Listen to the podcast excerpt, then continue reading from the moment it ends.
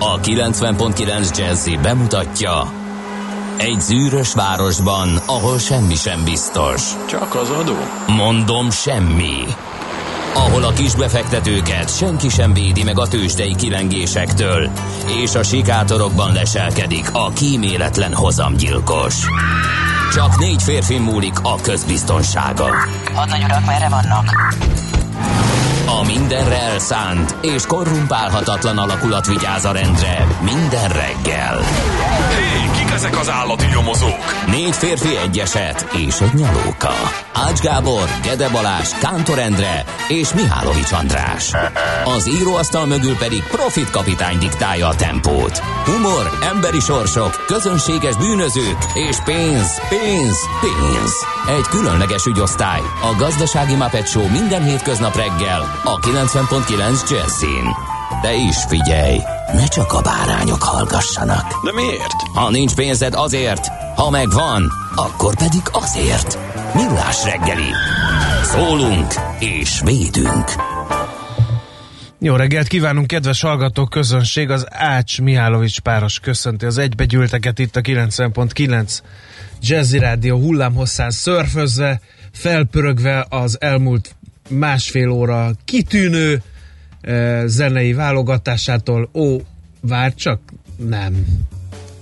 Ez hát ez egy személyes vélemény igen. volt a részedről. Mert te aztán itt kasztanyettáztál rá, igen, persze. Uh, te olyan konformista vagy, hogy lassan én... aludni lehet rajtad, komolyan. Nem tudom megítélni. Hát mondjuk ki! Elég volt a susmákolásból, mondjuk ki a véleményünket. Más nem. Uh, nem Most tudok még úgyse hallja senki, mert tök üresek az utak én egy befelé. kicsit később ébredek, én nem kelek föl másfél, mínusz másfél órában azért, hogy zenét Úgy érzem, hogy a, a rádióban, de a hallgató közönségnek mindenképpen jobb lenne, ha én is egy fél órát még aludnék, mert akkor nem húznám fel magam a nem akarnám ostorozni a művészeket, mert ki vagyok én, hogy ostorozzam a művészeket, de ez most nem jött össze ez az elmúlt egy óra nekem, bevallom őszintén. Ízlések és pofonok szerintem és elnézés. Hoz, szerintem hoztad magad és ezt a frusztrációt, vagyok, és, és kivetíted. Honnan hoztam volna? Gőzöm nincs, próbálom megfejteni. Én Igen. doktorács. Drács. Kivizsgál. Drács. Igen, úgyhogy, úgyhogy jól vigyázz ma. Jó. Szóval ez a Millás reggeli, nem a nyugdíjas klubnak a reggeli szekciója az étkezés előtt, úgyhogy ehhez tartsátok magatokat, drága hallgatók. 0 30 20 10 9 0 9, ezt még el kell mondani, SMS, WhatsApp és Viber számunk is ez. A szerelmes futári az ezüsté, vagy a ezüstére, már beszélni se tudok. Mert hogy ketten írtak, csak hirtelen, ahogy rákattintottam az üzenetre, a második első helyre ugrott, tehát a szerelmes futár azt írja 5 órakor, hogy Cseperről Gödöllőre akadály nélkül lehet haladni, és nincs is semmi fennakadás, csak a szívben. Ó. Egyen meg a szenvedő szereg, szegény férfi társunkat. Na mindegy. Bár női futárok is vannak, most jut eszembe.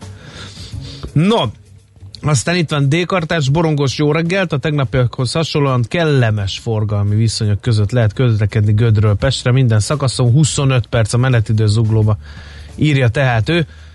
Egyébként tényleg, mintha üres lenne a város, de ha ezt megcáfoljátok, azért nem leszünk mérgesek.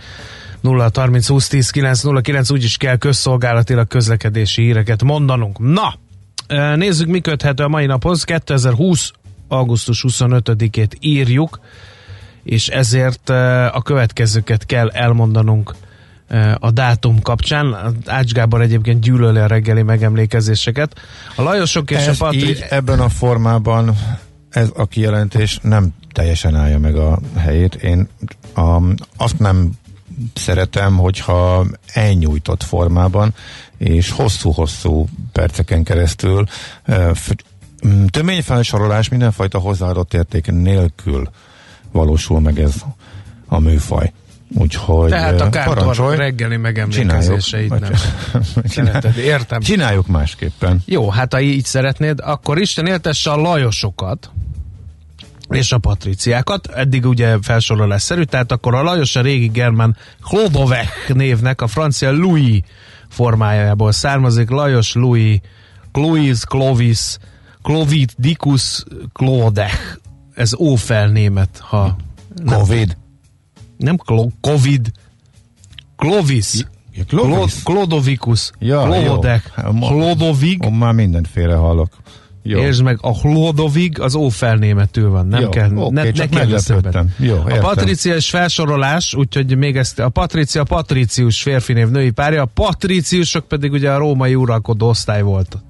Tehát a Patricia az én értelmezésem szerint, hogy hozzáadott értéket is adjak a névnapokhoz, az a uralkodó osztály régi Rómában annak a női tagja. Na, eh, nézzük kérem szépen, hogy eh, mi köthető még augusztus 25-éhez. Isten éltesse az összes születésnapost, eh, hozzáadott értékként nem tudom, hogy mit tudok hozzátenni ehhez, ha csak azt nem, hogy 400 éve választották magyar királynak Betlen Gábor erdélyi fejedelmet. Ez nekem nem volt meg, hogy ő magyar király. Ehhez nem kell hozzátennünk semmit, mert ez majd téma lesz a Mesél a múlt rovatunkban is. Mhm. Úgyhogy eh, most majd meglehetősen Mhm. rég, rég, régi időkre kanyarodunk vissza, de ez csak az egyik eh, apropó volt, egy másik, egy 50 évvel korábbi fontos évforduló is, ugyanis az erdélyi fejedele- fejedelemség eh, 450 éve jött létre.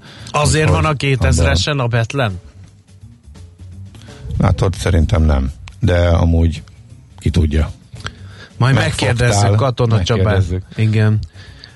Boldog szülinapot Magyar Nemzet 1938-ban, augusztus 25-én jelenik meg a Magyar Nemzet című napilap első száma, és Hegedűs Gyula és Pető Sándor alapították a lapot, úgyhogy ezt ne felejtsük meg, nem, vagy ne felejtsük el, nem tudom, hogy mennyire ismernek rá az ő szellemi termékükre, ha most forgatnák a Magyar Nemzetet, de ez már egy másik történet.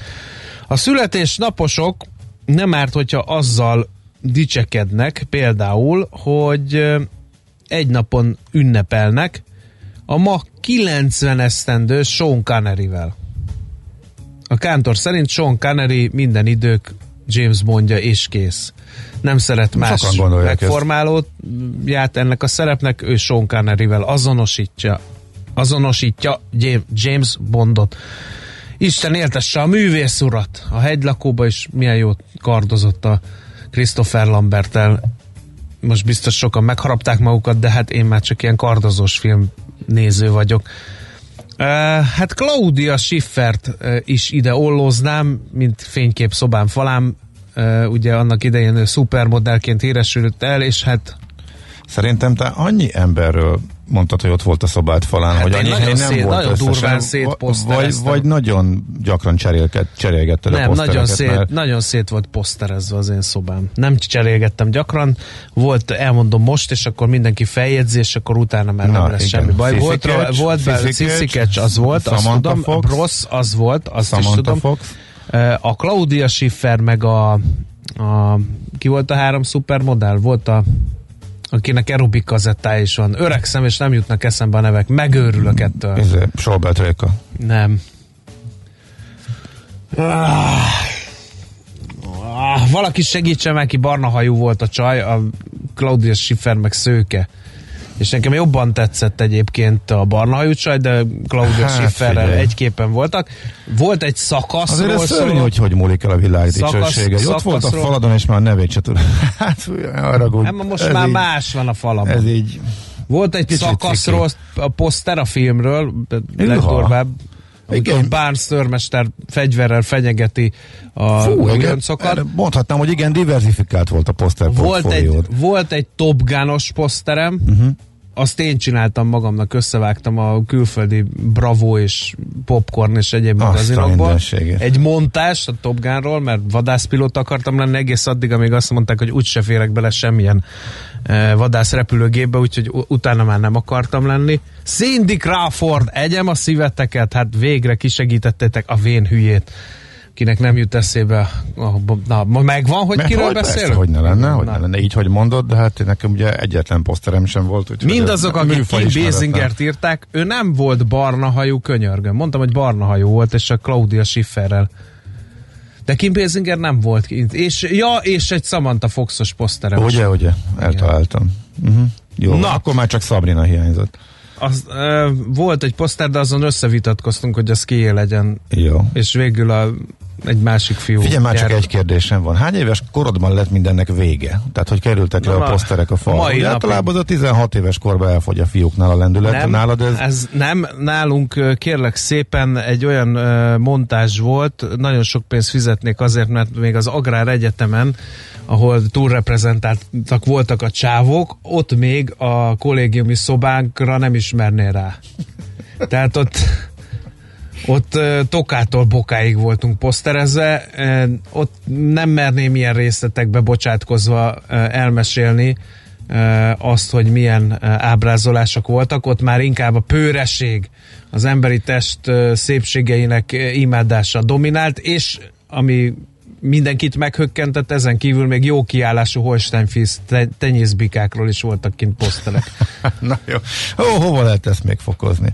Benko Sándor még említsük meg 80 éves lenne eh, a klarinét művész, a Benko Dixieland Band eh, alapítója, vezetője, és hát róla sajnos, illetve vele kapcsolatban az elmúlt években inkább csak a névvita kapcsán lehetett olvasni. A családja úgy gondolta, illetve ő is állítólag úgy gondolta, hogy a nevet azt nélküle nem vihetik tovább, csak erről elfelejtkeztek jogilag rendelkezni, és a védjegy kés bejegyeztetése iránti elkésett igényüket a bíróság talán el- elutasította. A lényeg az, hogy előbb más néven folytatták a megmaradt tagok, illetve érkezett egy új klarinétos, és aztán megkapták a jogot, hogy a Benko Dixieland Band néven folytassák, és ezért azóta is fúj rájuk a e, család, de ne emiatt emlékezzünk rá, hanem tényleg egy nagyon népszerű Hát figyelj, szerintem ők elhozták a, a közismert eh, szint, elhoztak egy közismert szint egy olyan műfajt, ami soha nem volt, eh, vagy nem lehetett volna tömegű műfaj, eh, és ezt szerintem mindenképpen megköszönhetjük Benkó Sándornak. Illetve tényleg én is gyerekként is szerettem nézegetni, pedig távol állt tőlem akkor még ez a műfaj, úgyhogy Én annyira... 80 éves lenne tehát Én Benkó Sándor, ez annyira, a lényeg. annyira nem értem ezeket a név dolgokat, és én a legjobban megütközve akkor voltam, amikor néztem az Alapító című filmet, ami Ray Kroc életéről és munkásságáról szól, hogy hogy nyúlja le a McDonald's láncot. arra, az is Nézd már a meg, listámon, hát és nem volt nézd időmre. meg. Hogy a fenébe? Érdekel, persze. Képzeld el, hogy a múltkor egy kereskedelmi csatornán zárójelbe teszem ezt a megjegyzést, beleszaladtam a The Big Short Az című a- az filmbe. alapmű, az én- alapmű, aki nem látta. Én is háromszor, mindent értesz belőle, mert én nem mindent, még mindig a harmadik ellenére A sem, meg harmadik után talán már igen.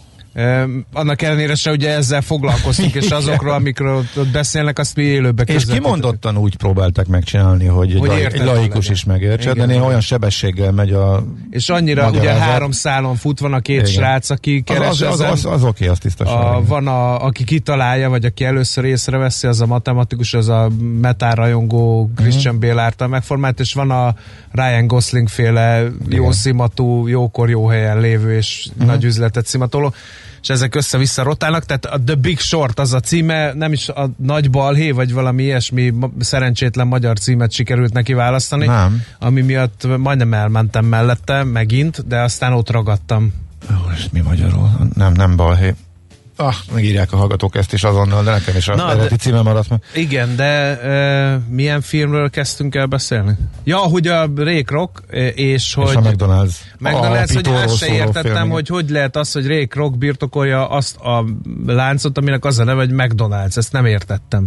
És ugye a film elmagyarázta, hogy lenyúlta a McDonald's testvérektől az Mhm. Igen, egészet. igen. Ennél a zenekaros hírnél pont ugyanilyen szomorú. Én nem értem, hogy, hogy, hogy valakinek a nevét azt, azt bár értem, csak mégse annyira. Ez egyszerű jogi kérdés. Hát igen, mert ez egy, innentől egy márka névé hmm. válik, és akkor szerintem ezt értem, de Mások az szörnyű lehet. mások szörnyű az- lehet, mások az a érzéseid, Mihálovi. Cheese uh, hamburgerláncot mondjuk Ács Gábor birtokolná, megőrülnék. Semmi Minden nap úgy nincsen. kelnék fel, hogy festékkel dobálnám a saját nevemet, hogy ne...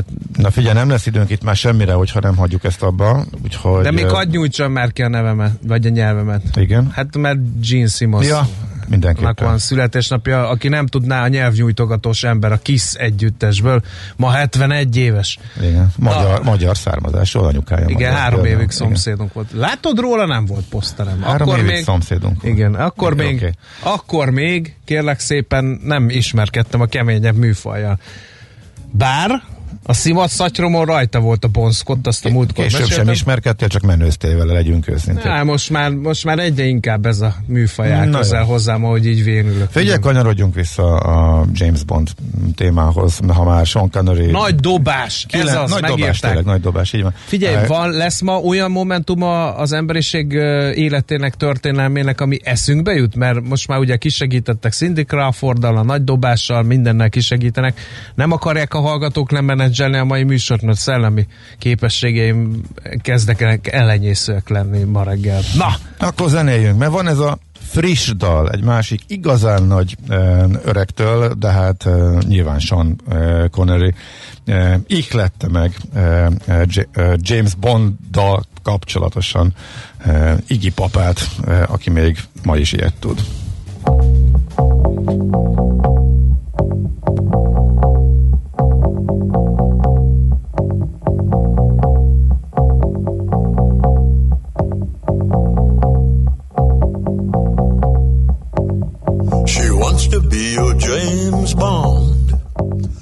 She wants to be your James Bond. Well, it's not for a price, and it's not to be nice. She wants to be your James Bond. She wants to be your James Bond. She wants to be your James Bond. She might stand in your way, but still she'll save the day. She wants to be your James Bond.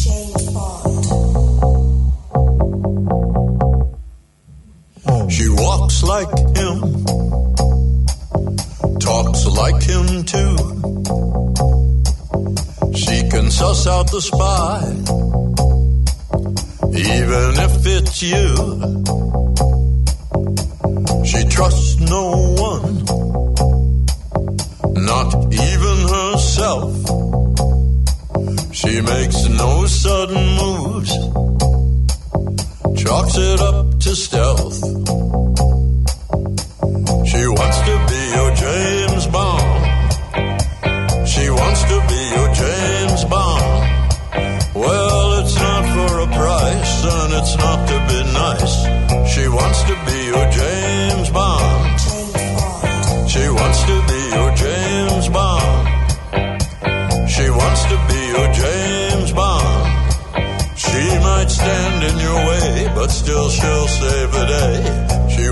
Be your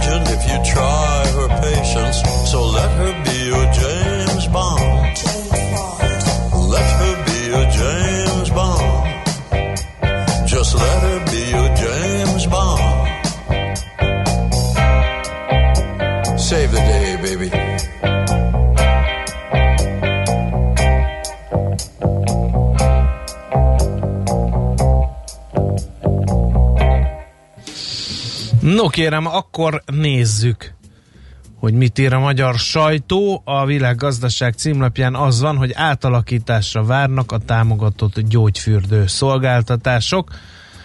Október közepéig kell kidolgoznia az emberi erőforrások miniszterének, hogy a nemzetközi jelentőségi gyógyhelyeken hogyan válasszák szét a piaci és a közfinanszírozott gyógyfürdő szolgáltatásokat. Ez nem máshol szerepel, mint az egészségipari stratégiában. Legutóbb egyébként a Gellért fürdő jelentette be, hogy megszünteti az egészségbiztosító által finanszírozott gyógykezeléseket.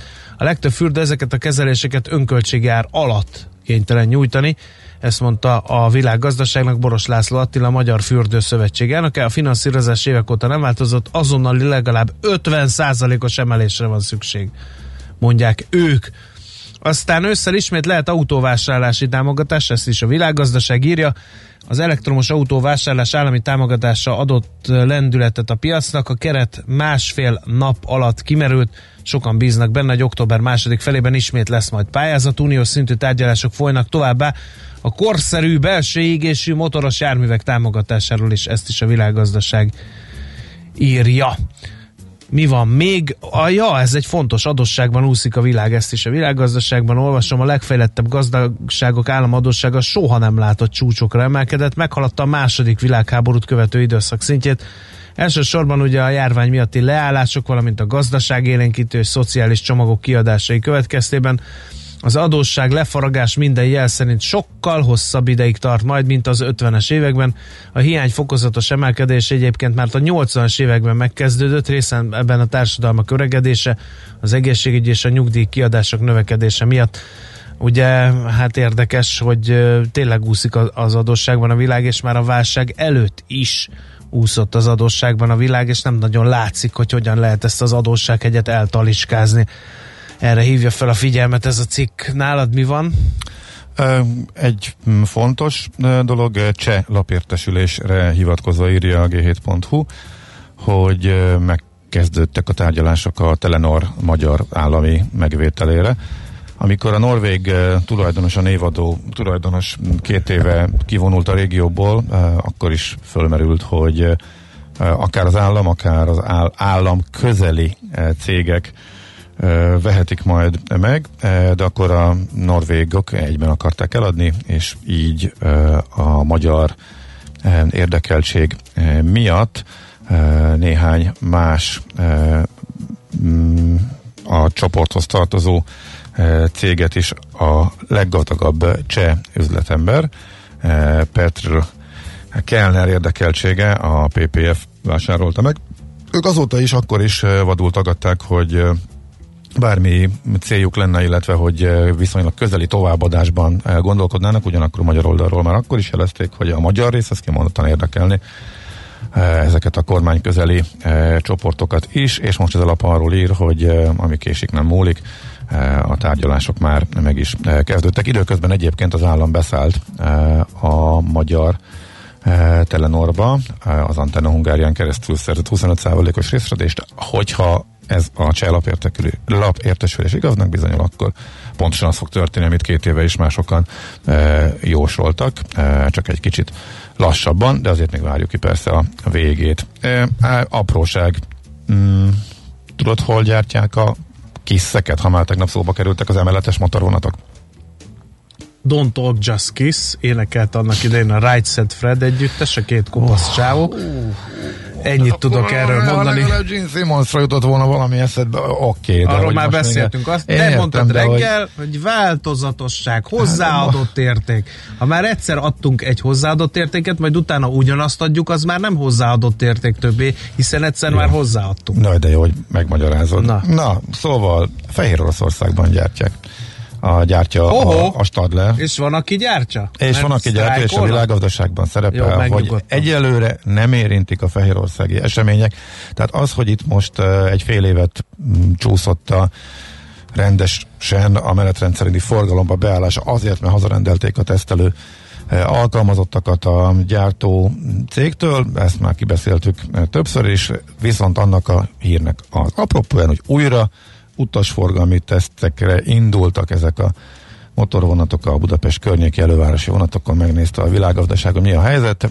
A teljes 200 milliárdos megrendelés rendben érkezik majd az utolsó 2022 végére az utolsó motor, emeletes motorvonat. Tehát aztán ez a mostani helyzet. Történhet még azért azt hiszem Belarusban bármi, ami ezt befolyásolja. Ez most, ez most csak a szokásos ilyenkor mm, elvárt megnyugtatás volt, hogy nem érinti a gyártást, de nem lepődnénk meg, hogyha ez a Ha mégis is érkeznének a következő időszakban, nyilván attól függ, hogy ott milyen lesz majd a politikai helyzet. No, egyelőre úgy tűnik egyébként, egyelőre nem tudni, egyelőre a hétvégén úgy tűnt, hogy Lukasenko egyből bekeményít, ugye abban a pillanatban, hogy gyengültek a tiltakozások, most kicsit megint erősödtek.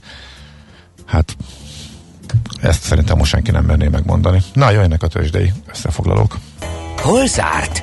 Hol nyit? Mi a sztori? Mit mutat a csárt? Piacok, árfolyamok, forgalom a világ vezető parketjein és Budapesten. Tősdei helyzetkép következik. Ahogy így elnézem, mindenki emelkedett.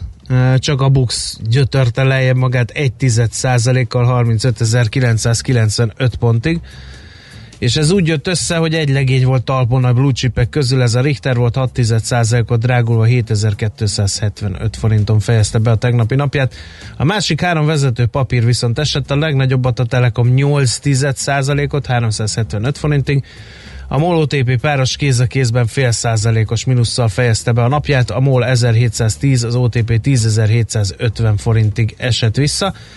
A közepes papírok között voltak azért erősödők, a 4IG például 1,6%-ot, az Opus 2-t e, tudott erősödni, és e, értelmezhető forgalomban természetesen, de jó napja voltám az Alteónak is, 2,1%-ot ment felfelé a papír, és a vesztesek oldalán ott volt a cikkpanónia 2,1%-os minusszal, meg esett a, esegetett a Graphit Soft Park is e, majdnem 9 kal másról én nem tudok mondani. E, az, az Appeninnek is volt egy 3%-os mínusz, de az olyan alacsony forgalomban, hogy szerintem az nehezen értelmezhető, úgyhogy átpasszolnám a lasztit Ács Gábornak, hadd törjön vele kapura.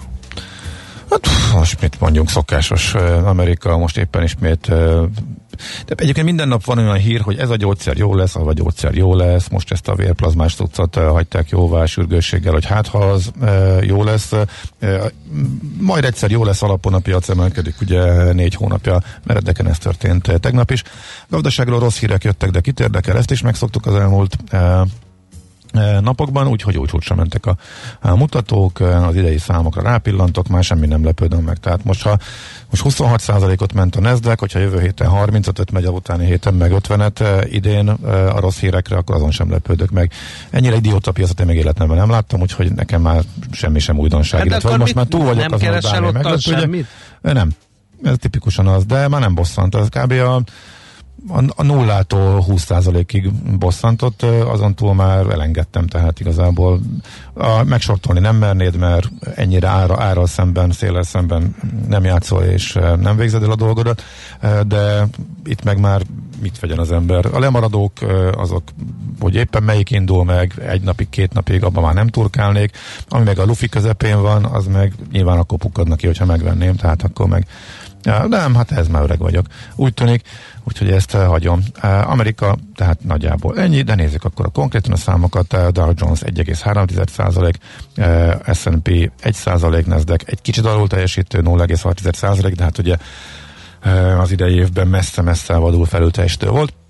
Megállapították a szakértők, hogy amikor a vírusra jönnek ki jó hírek, ez körülbelül minden nap, eh, akkor a ciklikus részvényeket is eh, meghúzzák. Na jó, ez csak minden másnap. Egyik nap a technológia húzza, mert az minden piacon jó, minden rossz hírbe lehet mondani, hogy ők már egyeduralkodók, és a Robin Hood befektetők eh, szétzsákolják őket Apple-től, Tesla-tól. A másik Te napon megy a cik... Nem. Ezeknek a Robin Hood befektetőknek ennyi lóvéjuk lenne? De most van, mert sokat nyertek rajta, majd aztán szépen tönkre fognak menni hamarosan, és akkor néznek ki bambán a fejükből, de nem fogalmunk nincs, hogy az mikor. Lehet, hogy még előtte a duplájára mennek a dolgok. Tehát ezt sose lehet tudni. Uh, lesz még itt majd nagy uh, sírásrívás, uh, de simán lehet, hogy ez még jóval odébb van, és még egy jó nagy emelkedés előtte van. Szegény Morgan Stanley hát kénytelen volt emelni az Apple-re a célárát, ugye elbír, elbírhatjuk képzelni, hogy mennyi változott a, egy ekkora cégnek a fundamentumaiban. Minden esetben 40%-ot emelkedett talán egy hónap alatt a lényegében a nagy semmire, de a tegnapi, vagy az előző napi 5% után most, hát képzeld el, ilyen, ilyen furcsa dolgok történnek, hogy majdnem 4%-ot ment tegnap is, de visszaütötték, és csak 1,2 lett a vége. Most 500 dollár fölé került ezzel is az Apple-nak az árfolyama, és a Morgan Stanley megemelte a célárát 520-ra. Na most ezzel csak annyit csinált, hogy eddig 431-en volt, viszont ezzel ő a legmagasabb a Wall Street-en. Tehát lényegében egyetlen egy elemző sincsen, aki magasabb, aki még emelkedést vár tőle. De semmi más nem történik az elmúlt hónapokban, mint hogy az árfolyam megy, nincs elemző, aki ezt elhinné, majd kényszeredetten utána másznak, és nagyjából a piaci ár közelébe emelik utólag az elemzők a céláraikat. Láttunk már ilyet egyébként sokszor, de utána x idővel ugyanezt történt lefele nem sokat változó fundamentumok mellett, tehát a célárak azok sokszor ennyit érnek. A hallgató Úgy, azt mondja, sokadjára mondjátok, hogy idióta piac, rossz hírekre minden emelkedik, jól emlékszem, volt ott 3000 milliárd körüli pénzkibocsátás, valahol el kell tenni azt a rengeteg pénzt is, vagy túl egyszerűen látja a hallgató? Persze, ezzel meg lehet magyarázni tök egyszerűen, de uh, itt a részvények mennek, és pont részvény nem vásárol még a, a Fed sem, csak uh, több átéten keresztül, ugye a kötvénypiacra ömlik a, és egy kicsit bonyolultabb ennél a történet, de az, hogy igazából nincs más alternatíva, amikor minden másnak nagyon alacsony a hozama, ez, ezt kitartó, és ez továbbra is itt van, az, hogy a Fed nyomja a stimulus gombot, illetve abban a pillanatban, hogyha egy kicsi veszélyt lát, akkor újabb pénzeket önt a piacra, ez önmagában persze e, hajtja az árakat, de azért nem szokott ennyire elszakadni a fundamentumoktól a piac, tehát amik erre vannak mutatók, azok mind arra utalnak, hogy egészen elképesztően túlértékelté vált sok szektor, illetve sok részvény, nem az egész piac, mert vannak lemaradók is, ezért is érdekes, ami most folyik. Hogy nagyjából ez a helyzet. Óvatosan utána menni, utólag persze könnyű volt ezt, a, ezt megfogni, és ezek a Robin Hood befektetők fogták meg leginkább, eh, akik még nem láttak összeomlást. Eh, aztán, de majd fognak. Nyilvánvaló, ezt is tudjuk a történelemből, eh, de hát ezt már ezerszer ragoztuk. Csak ebben az elmúlt öt percben is legalább négyszer mondtam el, úgyhogy jobb lesz befejezni. Tőzsdei helyzetkép hangzott el a Millás reggeliben. Uh, Igen. Gondolkodom. De ja, az órára nézek, hogy beolvassak-e bizonyos üzeneteket, de Hogy ezzel nem. várni fogunk. Nem, nem. Uh, hagyjuk László Békat itt híreket mondani, és akkor majd utána ezeket elolvasom. A reggeli rohanásban könnyű szemtől szembe kerülni egy túl szépnek tűnő ajánlattal.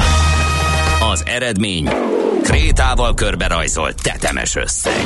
A tethelyen a gazdasági helyszínelők, a ravasz, az agy és két füles csésze és fejvállalakzat. A lehetetlen küldetés megfejteni a Fibonacci kódot. A jutalom egy bögre rossz kávé és egy olyan hozamgörbe, amilyet még Alonso Mózli sem látott. Millás reggeli, a 90.9 Jazzy Rádió gazdasági mapetsója. Vigyázat! Van rá engedélyünk! Jó reggelt kívánunk, 7 óra 17-es perc van, folytatódik a Millás reggeli műsor folyama a 9.9 Jazzy Rádion. A két műsorvezető közül az egyik minden kétséget kizáró a Nács Gábor. Még kétséget kizáróbban Mihálovics András ül velem szemben. 0 30 20 10 9 0 9 SMS, WhatsApp és Viber számunk is ez. Nézzük, milyen közlekedési hírek vannak.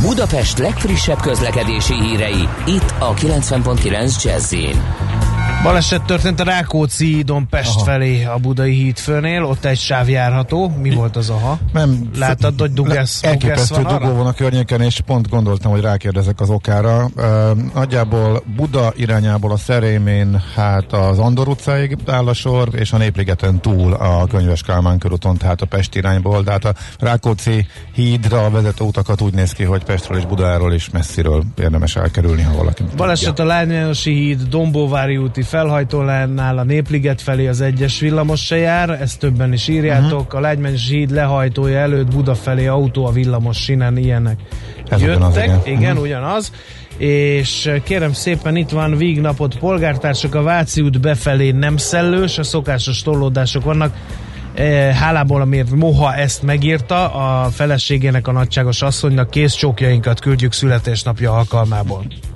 Budapest, Budapest, te csodás! Hírek, információk, érdekességek, események Budapestről és környékéről. A vonalban itt van velünk Sumicki Balázs, a Magyar Apartman Kiadók Egyesületének elnöke, apartman tanácsadó. Jó reggel, szia! Jó reggelt kívánok, köszöntöm a kedves hallgatókat, sziasztok! Hogy áll most a, úgymond a szabályozás, illetve a, a küzdelmetek azért, hogy mondjuk ne legyen majdnem, ha úgy tetszik, teljesen betiltva az apartman kiadás belvárosban, illetve a, a kerületekben. Illetve akkor kezdjük a legfrissebb hírrel. Tegnap maga az Airbnb jelentette be, hogy szigorítanak és 16 fő, főben limitálják a foglalhatóságot, és nem lehet bulikat szervezni az Airbnb-n keresztül. Ez érint benneteket egyáltalán, vagy ez mondjuk nektek pont tök mindegy, és igazából ez már meg sem hallottátok ezt a hírt? Akkor erre reagálva rögtön, igazából ez minket nem érint, nagyon-nagyon kevés olyan lakás működhet Budapesten, akiket ez érint, hiszen uh, miről van itt szó? Az egyik az, hogy uh, innentől kezdve nem lehet a házi rendben olyan opciót választani, hogy házi bulit lehet tartani, rendezvényeket lehet tartani az adott ingatlanban. Ez az Airbnb saját bevallásai szerint mindössze az ingatlan állománynak a 30%-át érintette, és abban is elsősorban Amerikát, Észak-Amerikát, illetve Kanadát, ott volt ennek divatja, hogy komplet házakat béreltek ki, és csináltak hatalmas uh, bulikat. Budapestről, Magyarországról semmilyen hír uh, uh-huh. nem volt. Illetve a másik, hogy maximum 16 főben uh, 16 fő bérelhet ki egy ingatlan. Magyarországon a jogszabály azt mondja, hogy magán, illetve egyéb szálláshelyet, tehát a klasszikus rövidtávú lakáskiadást maximum 16 fő, 16 ágy esetében lehet csinálni. Úgyhogy ez a része sem érintett minket. Aha. Jó. Uh, Okay. Illetve egy másik nagyon fontos dolog, hogy ugye Magyarországon az átlag férőhely az a 2-4 fő itt Budapesten, tehát minket ilyen jellegű korlátozás azt nem érint. Uh-huh. Na akkor ö, beszéljünk arról, hogy hol tart most a szabályozás, illetve a húzakodás. Ugye a kerületi hatáskörbe ö, utalta a kormány, hogyha jól emlékszem, ez volt az utolsó, amit tudunk, ö, hol tart. Illetve a piaci helyzet is érdekelne majd ezt követően hogy ebben a bizonytalanságban mennyien döntöttek úgy, hogy kiszállnak ebből a bizniszből, hogyan alakul át a piac, mit lát személyesen? A kormány hozott egy uh, jogszabályt, pontosabban a parlament, mi szerint az ország önkormányzatai dönthetnek arról, hogy évente hány napot tarthatnak nyitva a magán, illetve egyéb szálláshelyek uh, Magyarországon, ami nagyon érdekes, hogy ebből a körből kimaradtak a hostelek, tehát az a szálláshely egység, ahol az igazán nagy tömegű turisták, ahol az igazi buli turisták járnak, hogy ez miért történt így, ezt, ezt nem tudjuk.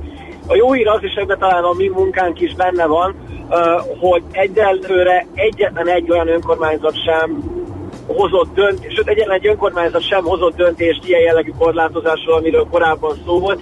Mi az Egyesületünk valamennyi budapesti polgármesternek illetve önkormányzati képviselőnek elküldte azt a munkáját, amiben felhívtuk a figyelmét arra, hogy ez miért lenne rossz ötlet, hogyha a korlátoznák a kiadott napok számát, illetve milyen egyéb alternatív megoldási javaslatok vannak, és hogy most azt látjuk, hogy ez a korlátozási fajta azért egy kicsit lekerült a, a politikusok köz beszédéből, és más irányú megoldásokban gondolkoznak, Ugye az elmúlt pár hét azért az még a nyári szünetről szólt, egy kicsit lecsillapodtak a kedélyek, nem lettek hozva hirtelen szabályok, hanem sok kerületben elindult egyfajta konzultáció, párbeszéd, aminek mi is a részesei vagyunk, és én azt gondolom, hogy az ősszel várható majd, hogy egy kicsit tisztában lássunk mindannyian, hogy merre próbálnak elmozdulni a kerületvezetők. Uh-huh. Igen, de turista még mindig nincs. Uh, legalábbis ilyen hírek vannak, hogy a fővárosnak a turizmusa nem nagyon uh, élénkül. Vidéken azért már kicsit felélegezhetnek a szállással szolgáltatók. Ti hogy látjátok először is ezt a tendenciát ti is meg tudjátok erősíteni? Igen, mondjuk hány százalék a visszaesés a budapesti turizmusban, tehát mondjuk tényleg az apartmanok esetében. Tehát, Természetesen látjuk és érezzük ezeket az tendenciákat, hát Budapest az üres. Tehát itt, tehát itt nincsen nagyjából senki. Azok kezdenek el majd lassan jönni, akik uh, Erasmusos diákok, tehát uh, külföldről ösztöndíjat itt tanuló diákok, ők jelennek majd meg. Egyébként, egy, egyébként elképesztően alacsonyak a, a foglaltságok. A kérdésedre válaszolva mi azt látjuk, hogy a még korábban főszezonban azért 15-16 ezer uh, egységet is kínált a kiadásait Budapesten, addig, addig ez most 10 ezer környékén van, tehát elvesztette a piac a harmadát, és az is kérdés, hogy az a 10 ezer egység, ami nyitva, ami fent van mondjuk ezeken a nagy szálláshely közvetítő oldalakon, mint a booking.com, szállás.hu vagy Airbnb, azok közül hány, elér, hány érhető el ténylegesen, és mennyi az, amit csak egyszer nem vettek le a, a tulajdonosok. A belföldi turizmus Budapest irányába nem jellemző, tehát hiába pörög a vidéki turizmus, abból Budapest gyakorlatilag semmit nem érez. Uh-huh. És a külföldiek eh, nagyon minimális számban jöttek vissza, tehát ha sétálgatunk a várban, vagy akár csak a Váci utcán a turisták által leginkább látogatott helyeken ezt mindenki érdekelheti. Tehát akkor ez max néhány százalék, ugye? Tehát ilyen bőven 10, 10 százalék alatt van, ugye? Te is úgy látod. Azt gondolom, hogy rendkívül alacsony, nem véletlen, hogy a hoteleknek egy jó része se nyitott ki, még a mai napig sem Budapesten. Uh-huh. Nincs egy megtölteni. Uh-huh. És mit látsz egyébként? Ugye nyilván ez egy adat, hogy a szállás közvetítő oldalakon hogy oldalakról hány apartman tűnt el, de mondjuk a környezetedben, illetve az egyesületi tagok uh, elmondás alapján mit lát, hogy ők hogyan reagáltak, vagy illetve te konkrétan, hogy mennyivel szűkítetted uh, a, te a kínálatodat, vagy elmész a más irányba, hogyha vannak ilyen személyes történeteid, akkor azokra kíváncsiak vagyunk.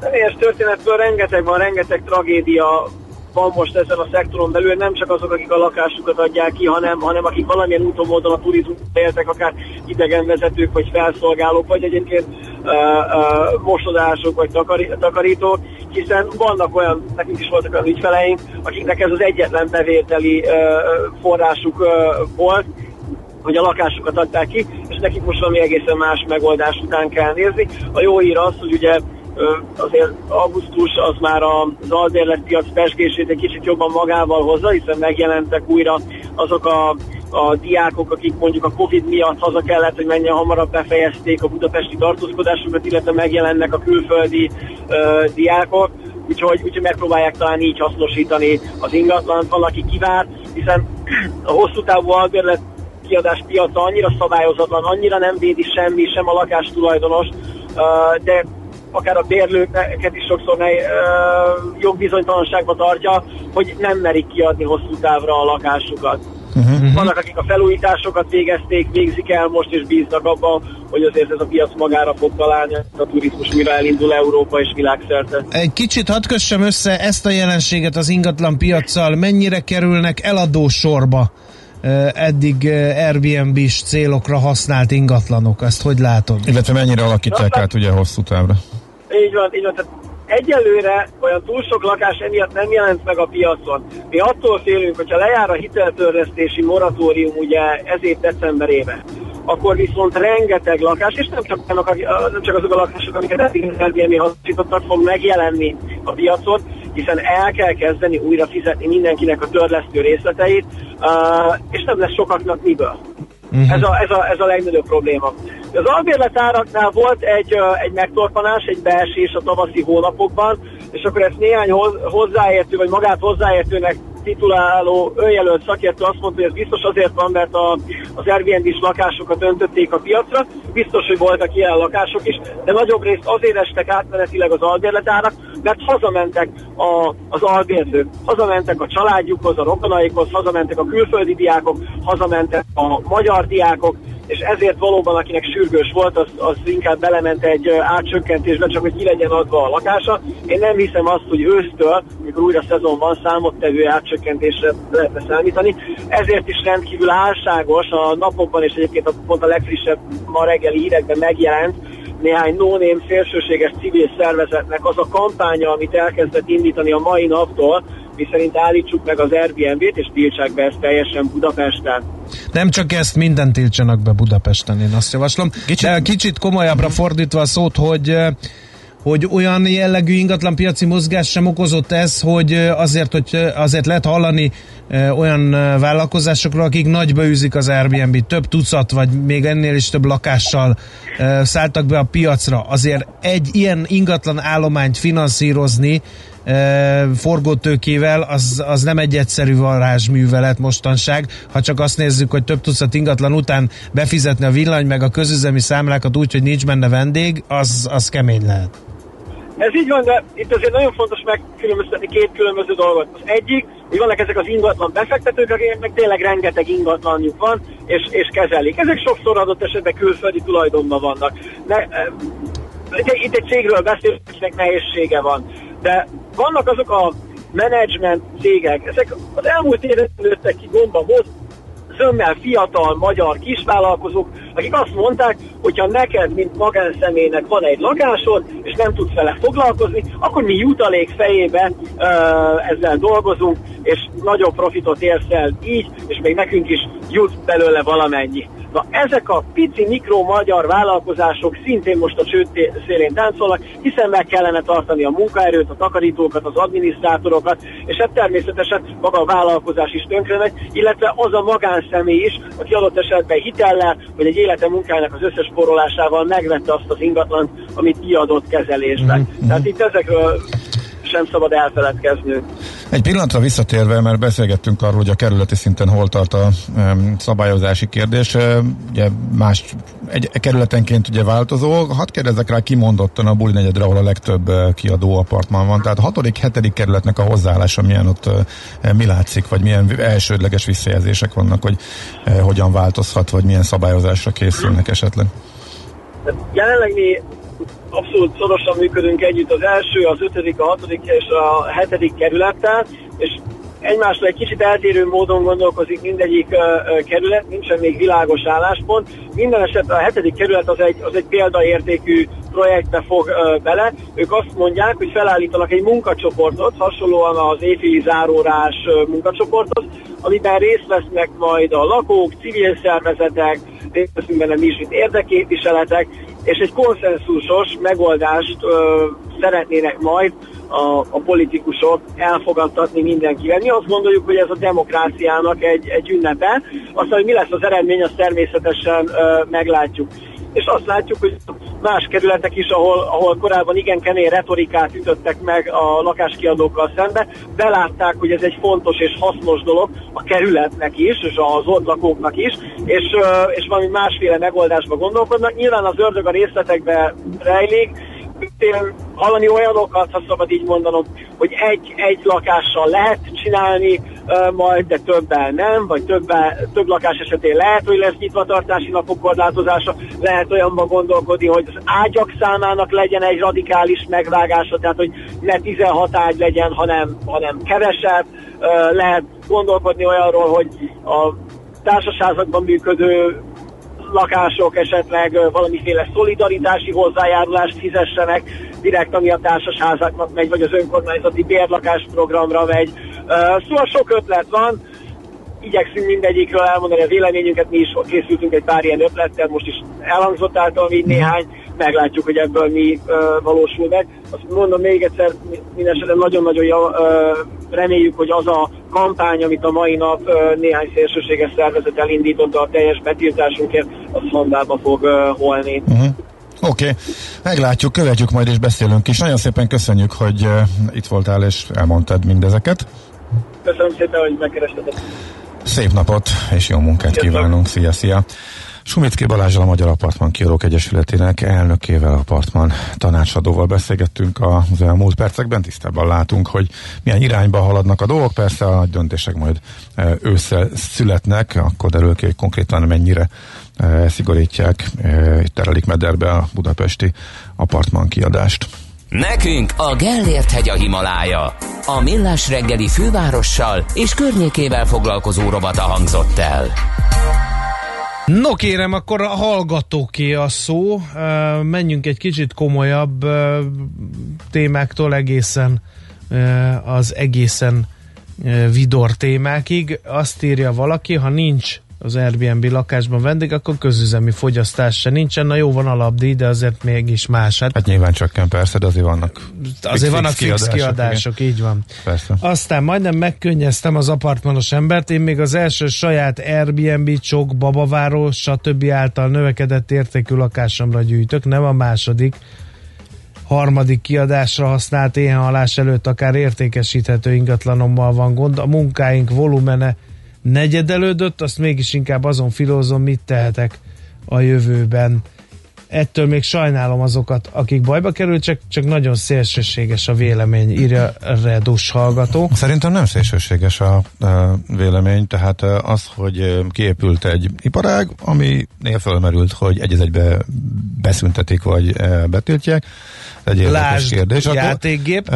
Igen, a korlátozása az nyilván felmerülhet, van rengeteg előnye, és van rengeteg hátránya. Rengeteg turist, tehát azért jócskán, ez kétségtelen, hogy jócskán megnövelte a Budapestre érkező turisták számát az, hogy kiépült ez az iparág, tehát egy, rész, egy részük azoknak, akik idejöttek, és uh, hozták a pénzüket, és itt költötték, az vitathatatlan, hogy szállodába nem jöttek volna el, és egy részük hoztába sem jött volna el, tehát ha nincs a maga ez az apartmanos biznisz, vagy nincs annyi jó minőségű kiadó lakás Budapesten, akkor egy részét nem nyerte volna meg a város. Erre persze lehet azt mondani, semmi szükség rájuk, és ez egy rövid távú kiugrás, és meglettünk volna nélkülük, de szerintem ez megint csak egy vélemény, összességében az biztos, hogy termelték a a GDP-t, és hogy az lenne jó, hogyha ezt e, érdeksérelem nélkül ezt már nem lehet rendezni, ez e, túlságosan feszítetté vált. E, tehát az, hogy most a lakók, Azért a az is leegyszerűsítés, amit a hallgató ír, hogy hotel lobby, igen, a hotel lobby ebben mindenképpen benne van. Hát ők is a saját érdekükben. Tehát nyilván... De, mert hogy ez megint kicsit ugyanolyan, mint, a, mint az Uber versus taxisok, taxisok, hogy azért azok az elvek is mondjuk akceptálhatóak a, a hotelek részéről, amikor valakinek, mit tudom én, van 150 ilyen Airbnb-s lakása, kiadja, és hát a hoteleknek teljesen más Tehát az, hogy egyenlő, egyenlő feltételek legyenek, adózás, minden, ez szerintem ez tök egyértelmű. Tehát, hogy ezeket, igen. mint ahogy tegnap is mondtuk, hogy a repülésnek a helyzetbehozása és adókedvezmény a kerozénra, meg a repjegyek adómentessége nemzetközi viszonylatban, ez nonsens, ez, ez teljesen érthetetlen. Tehát, e, sőt, érthető lenne környezetvédelmi okokból, hogyha magasabb e, adók vonatkoznának ezekre. Tehát ez teljesen egyértelmű, e, és igazából azt az apartmankiadók sem mondják, hogy e, ne kelljen ugyanazt fizetniük, erről tárgyalnak. Érdekes kérdés, hogy mennyire kell ezt szigorítani pont egy olyan időszakban, amikor majd valószínűleg a járvány után egy öldöklő fog beindulni a turistákért, hogy ki tudja leghamarabb visszacsábítani hát egyrészt nekem meg És van, aki már, várjál, bocsánat, aztán... van, aki már most is versenyez, Budapest ebből látványosan kiszállt, illetve a magyar kormány ebből látványosan kiszállt. Ugye mi magyar módon abba az irányba megyünk, illetve a kormány ugye abba az irányba vezet, hogy nem kellenek ide turisták, mert egyelőre vírushordozóként tekintünk rájuk, a magyarokat is a lehető legkevésbé engedjük külföldre, és akkor ezzel tudjuk növelni a biztonságunkat. Tehát ez végig ez a magyar út, legalábbis ez látszik az intézkedésekből. És akkor ebbe helyezd el, hogy akkor majd, ha már kellenek a turisták, akkor mennyire jól elmaradunk a versenyben. Lehet, hogy nem, az is lehet, hogy egy hosszabb távú stratégia. Úgyhogy sok, rengeteg minden van itt, aminek a mentén ez a szabályozás ki fog alu, alakulni, és hát ugye a kerületeknek ez elsősorban azért, amellett, hogy a saját bevételeiket is nézniük kell, azért tekintettel kell lenniük, és elsősorban a ott lakóknak az érdekeire kell e, tekintettel lenniük, és akkor ebbe a koordinátorrendszerben mozogva kell majd kialakítani a szabályozást. Hát érdekes lesz, az biztos. Úgyhogy azért is beszélünk erről gyakran, mert ez nagyon fontos változás, ami zajlik, és ugye hosszatávon is meghatározhatja például a budapesti turizmust és az ország bevételeit. Na, nem akartam ilyen részletesen belemenni, mert erről már volt szó. Hát a hallgató Aztán könnyedebb, könnyedebb vizekre Gödöllő? is evezzünk néhány vicces uh, üzenet. A buborék az a rali, amiről lemaradtam, uh, írja meg tőzsdei krédóját az egyik hallgató. Aztán... Jó, én, én egy-kettő már benne voltam sikerül. Tudtam, hogy buborék, és minden nap parázva vártam a pukkadást, és úgy voltam vele, amikor már 20% zsebbe volt, hogy nem érdekel.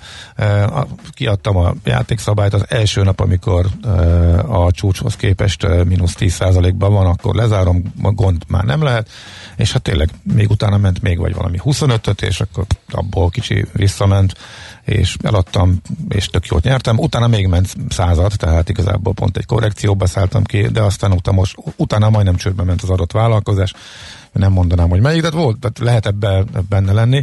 Ettől még a megállapítás az nagyon jó, tehát azért általában tényleg azok mondják, akiknek savanyú a szőlő, és kimaradtak belőle, kétségtelen. Aztán hallgató közösségünk hálás a műsorkészítőknek, hogy tudásukkal, szívükkel, lelkükkel az ökkenőmentes ébredésünk szolgáltába álltak. Mind a mellett a reggeli tevékenységeink közben kevés lehetőségünk van a kommunikációs eszközeink kezelésére, ezért javaslom, hogy a hallgatói ügyeleti szolgálat hétfő pénteki szolgálat beállítását megszavaztatni szíveskedjenek. És a gödöllői üzenet az hogy szólt? A kínzó kérdést tett fel helyettünk is a szerelmes futárra kapcsolatban az egyik hallgató, hogy áruljátok már el, hogy mit keres minden hajnalban 5 órakor Gödöllőn a szerelmes futár, nincs itt semmi látnivaló. Mert munkacélból tart arra legalábbis. Időnként ez kiderül, hogyha jól emlékszünk. Tehát a, a nyuszikeresés az csak egy mellékes elfoglaltság nála, de munka. Mert hogy időnként, amikor egy hétre eltűnik, akkor feltételezzük, hogy ő szabadságon van, igen. Igen, igen. No, hát ezek jöttek, úgyhogy muzsikáljunk egyet, és evezzünk tovább a műsor folyamon.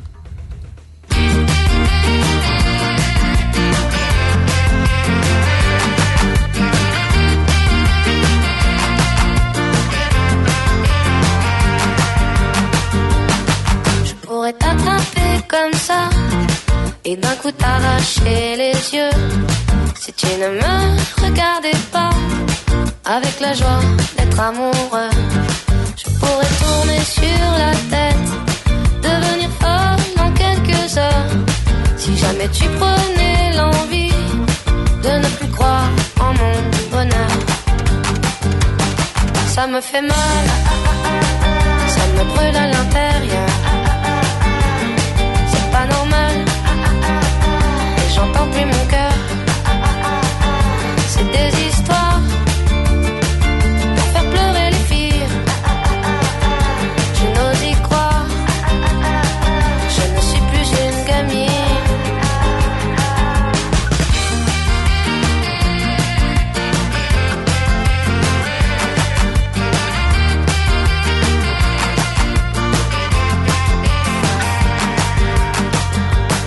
Je peux crier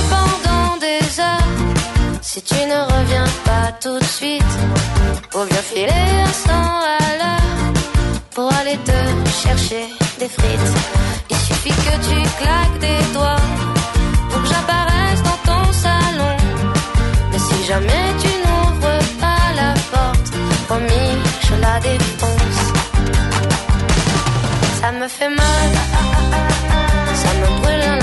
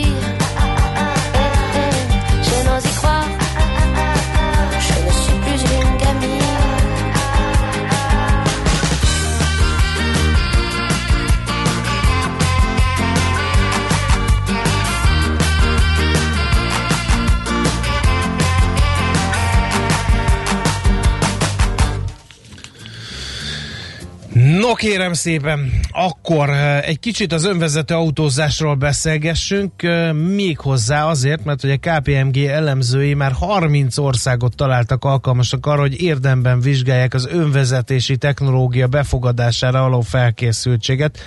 Ez náluk az úgynevezett AVR Index. Magyarország a 25. ezen a listán, A tempót tehát nem mi diktáljuk, de azért ott vagyunk a térképen, és ez mindenképpen jó. Az idei harmadik jelentés tanulsága szerint a legtöbb ország növelte a pontszámát, azaz egyre inkább az önvezető technológia bevezetése mellett teszi le a voksát.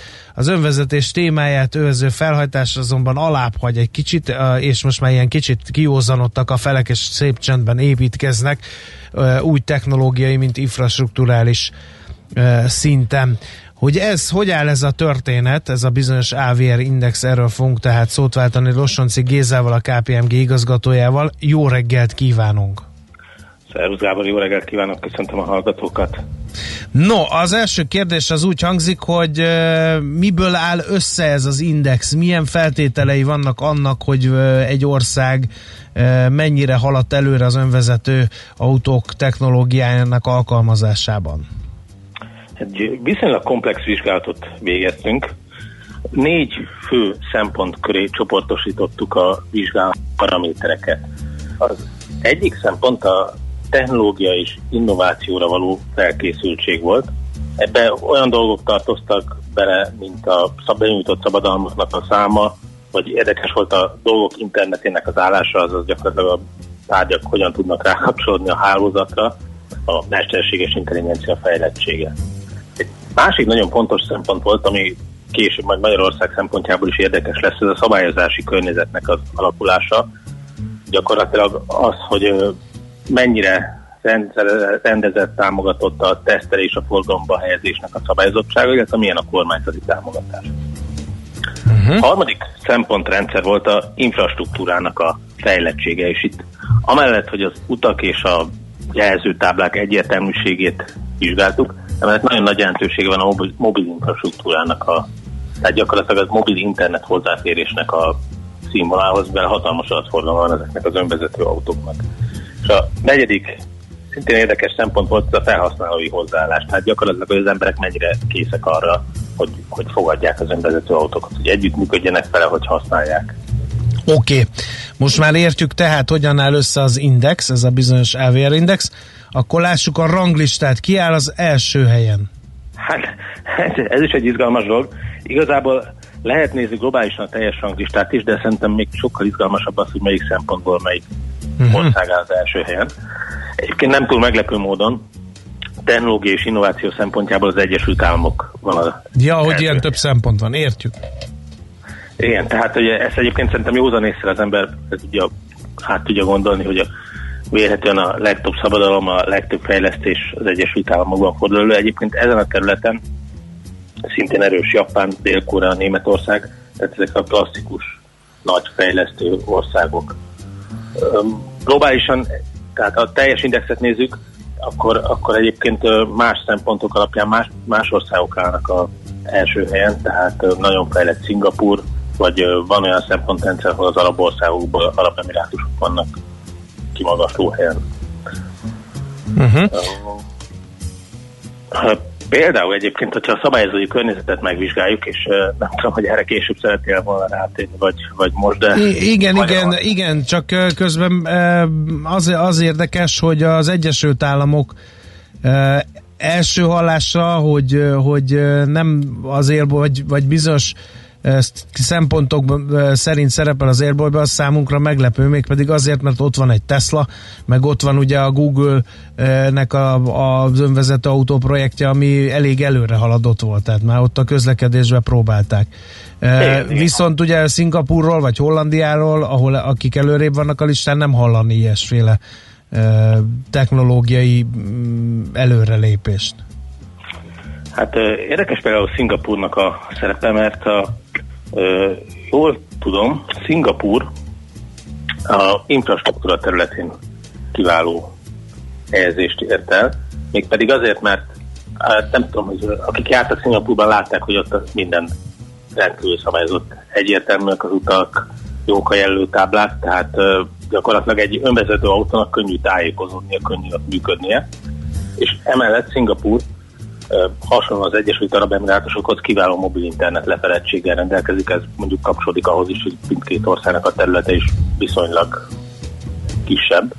emiatt ez könnyebben megoldható, de hát ezen a területen viszont tökéletesen tudnak tájékozódni az autók. Uh-huh. Legalább ilyen meglepő volt számomra, hogy Izrael milyen előkelő helyen áll ezeknél a rancsoroknál. Ott mi volt a dominancia egyébként ebben? Vagy miért kerülhetett ennyire előre Izrael? Mert vele kapcsolatban sem az önvezető autók technológiájának fejlesztése jut először az ember eszébe. Igen, valóban, és egyébként Izraelben elsősorban a technológiára való fogékonyság, illetve a technológiába való befektetés volt az, ami előre helyezte a rangsorban. Mm, általában azért azt tudott Izraelről, hogy, hogy ott,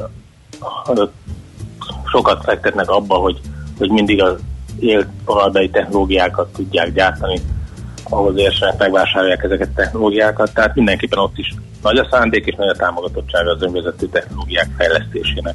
Uh-huh. Akkor így már értető. De ha össz, az összképet nézzük, akkor a távol-keleti régió meghatározó?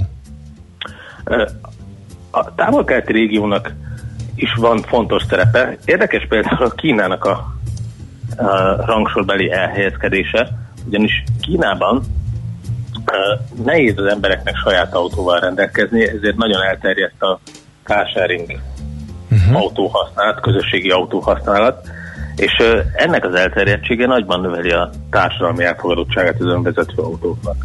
Tehát azt tapasztaljuk, hogy az emberek ragaszkodnak ahhoz, hogy saját autók legyen, ott sokkal nehezebben fogadják el azt, hogy önvezető autókat használjanak majd. Uh-huh. Tehát azt ki lehet jelenteni, hogy a földrajzi csomópontja az önvezetésnek mindenképpen mondjuk így a távol-keletre tehető azért? Ezen, ezen okok ott, miatt? Ott is van egy csomópont. Aha. Hát az biztos, hogy, hogy ott Japán, Kína, Dél-Korea élharcosai lesznek ennek. Ennek ellenére például a skandináv országokban is bizonyos szempontokból nagyon kiváló eredményeket tudtunk, találtunk. Uh-huh. Tehát uh, igazából több, több földrajzi csomópontot határoznék meg. A távol-kelet bizonyos szempontból jár az élen, skandináv országok bizonyos szempontból, és az Egyesült Államok is. Uh-huh. Um, engem az is meglepett, hogy rajta vagyunk ezen a 30-as listán, ráadásul nem is olyan rossz helye, 25-en. Ez hogy jött össze Magyarországnak? Igen, tehát ez, ez első első ránézése valóban meglepetés lenne. Magyarország legjobban a szabályozási környezet szempontjából teljesített. Ennek egyik kiváló példája, hogy nálunk egy külön kormányzati ügynökség foglalkozik az önvezető technológiáknak a támogatottságával. Ebből fakadóan mind a tesztelés, mind a bevezetésnek a szabályai nagyon egyértelműek, nagyon jól lehet alkalmazkodni hozzá. Emellett kiemelendő az, hogy bár Magyarország nem túl nagy, de mégis vannak startupok, akik foglalkoznak ezzel. Emellett jelen vannak a nagy autóbeszállítóknak a fejlesztő műhelyi, emiatt meglepően sokan dolgoznak önvezető technológia fejlesztés területén magyarországi mérnökök közül, illetve kiváló egyetemi műhelyek vannak. A, nekem van személyesen több ismerősöm, aki egyetemen tanult az önvezető technológiáról, és, és szép karriert fut be Magyarországon, illetve külföldön illetve nagy cégeknél rengeteg magyar szakembert alkalmaznak. Emellett nem szabad elfelejtkezni, hogy Magyarországon Zalaegerszegen van egy tesztpálya, ahol európai szinten, sőt talán az Egyesült Államokból is hoznak technológiákat tesztelni önvezető autókat, illetve az M76-as úton van egy intelligens gyorsforgalmi szakaszt hoztak létre, amilyen szinten lehet akár tesztet végrehajtani. Uh-huh. Egy érdekes ilyen félmondat elhangzott a beszélgetésünk elején, hogy a fogyasztói hozzáállás az egy fontos szempont ennek az indexnek az elkészítésekor. Ez mit jelent? Gyakorlatilag nagyon egyszerűen lefordítva ez azt jelenti, hogy mi, mekkora a elfogadottsága az önvezető autóknak, mert ugye ez egy dolog, hogy vannak önvezető autók, de utána kellene hozzá fogyasztók, akik ezt használni is fogják. Én nekem Legérdekesebb a tanulmányban Olaszország szempontja volt, ami mutatta, hogy mi az, ami nem elfogadott. Tehát erről azt találtuk, hogy Olaszországban nagyon nehezen engedik el az emberek a benzines alfájuknak, a modern autóiknak a kormányát. Míg mondjuk például azokban az országokban, ha az elektromos autók elterjedtek, ilyenek például a skandináv országok, ott nagyon magas elfogadottságot találtunk. Uh-huh. az emberek részéről az önvezető autók önvezető technológiáknak a használatára. Igen. No, akkor most térjünk erre a bizonyos szabályozási kérdésre. Hogy áll a szabályozás? Vannak ugye olyan elég komoly és nem csak jogi, hanem elsősorban emberi elkölcsi felvetések az önvezető technológia mellett, amit hát bevallom őszintén, mikor felvetődnek, nem is tudom, hogy hogy lehetne megoldani azokat például, ha mindenképpen el kell ütnie valakit ennek a bizonyos önvezető autónak, akkor mi alapján mérlegelje, mi alapján hozza meg a mesterséges intelligencia a döntést, hogy akkor kinek az életét mentse meg, az utasaiét, vagy a szabálytalanul közlekedő gyalogosét. Hát azt gondolom, hogy ezek, ezek a kérdések, ezek még tökéletesen nincsenek mindenhol szabályozva, és ezek a jövő kérdései Magyarországon is még nincsen pontosan ezt kialakulva, de, de nagy előrelépések történnek ebbe, és valószínű, hogy ezek mesterséges intelligencia alapján hozott döntések is sokkal kisebb kár fognak okozni, hogyha egy ilyen döntést kell meghozni, mint hogyha az embernek a adott pillanatban kell majd ezeket a döntéseket meghoznia. De az biztos, hogy az kihívás lesz, hogy ezt pontosan definiálni lehessen, hogy akár ilyen döntéseket hogyan lehessen meghozni. Természetesen a szabályozásnak ez csak egy aspektus, tehát számos uh-huh. egyéb kérdést kell tisztázni önvezető technológiák döntéséig. Igen. Aztán a másik dolog, és ez legyen az utolsó kérdés, a biztonság kérdése. Ugye pont ezért állították le a Google-nek az a önvezető autó projektjét, mert voltak vele biztonsági problémák. Ezeknek a megoldása hogy áll? Hát nekem ez a biztonság kérdés kicsit ahhoz hasonlít, mint amikor a légi közlekedés hasonlítjuk a szárazföldi közlekedésre, hogyha egy önvezető autó baleset okoz, akkor az bejárja az egész világot. Ugyanakkor azt tudod, hogy a balesetek oka 95%-ban emberi tényezőkre vezethető vissza. Hogyha ezt a 95%-ot kivesszük, vagy minimálisra csökkentjük, akkor egyértelműen összehasonlítható biztonságosabb lesz a közlekedés, mint hogyha emberek vezetnék az autókat. Jó, nagyon szépen köszönjük az összefoglaló, tisztában látunk, jó munkát kívánunk. Köszönöm szépen. Minden jót! Minden jót. Losonci Gévezával, a KPMG igazgatójával beszélgettünk az önvezető autózásról, most pedig uh, László, be, hogy mi következik. László B. Kati jön majd a hírekkel. hírekkel, de a hírek után előtt mikor mi jön? Figyelj, a, az jön, hogy a következő két fél órában kicsit belemászunk azokba a dolgokba, sokat beszéltünk, de megkérdezünk szakértőket, mert van a világban, mintha két egymástól teljesen független dologként itt lennének a magyar makroproblémák, amelyekről ugye hírszintén, hírek szintjén beszéltünk, sokkal, a várakozásoknál sokkal kedvezőtlenebb GDP adat sokkal magasabb infláció, most pedig a tegnapi friss hír, hogy elereszti a kormány a hiányt, szöges ellentétben azzal, amit eddig kommunikált és amit eddig e, tervezett. Úgyhogy ennek a hátteréről e, is fogunk természetesen beszélgetni, majd fél kilenc után Viravácz Péterrel. E, ugyanakkor itt van még ez a lufi kérdés, tehát miközben a magyar tőzsde alul teljesítőit e, problémák vannak, nagy bizonytalanság van a magyar gazdasággal, itt van az észveszejtő száguldás e, elsősorban Amerikában, de még néhány kisebb tőzsdén is, amely megbefektetési szempontból érdekes, hogy kipukkad-e, meddig tart, illetve ha a magyar, a magyar eszközökben, a kockázatosabb eszközökben akkor nincsen semmi potenciál, vagy mondjuk minimális, akkor továbbra is jó kérdés, hogy okay. akár érdemes a magyar megtakarítóknak is még ebben a helyzetben külföldre fordulni. Miben más ez a lufi, mint mondjuk a 2000-es, Erről pedig uh, Kis Mónival fogunk uh, beszélgetni majd. Úgyhogy ezekkel a témákkal várunk benneteket majd a következő órákban. A végén pe- órában, utána pedig persze mesél a múlt uh, rovatunk is következik majd uh, 9 után. A hírek után tehát jövünk vissza.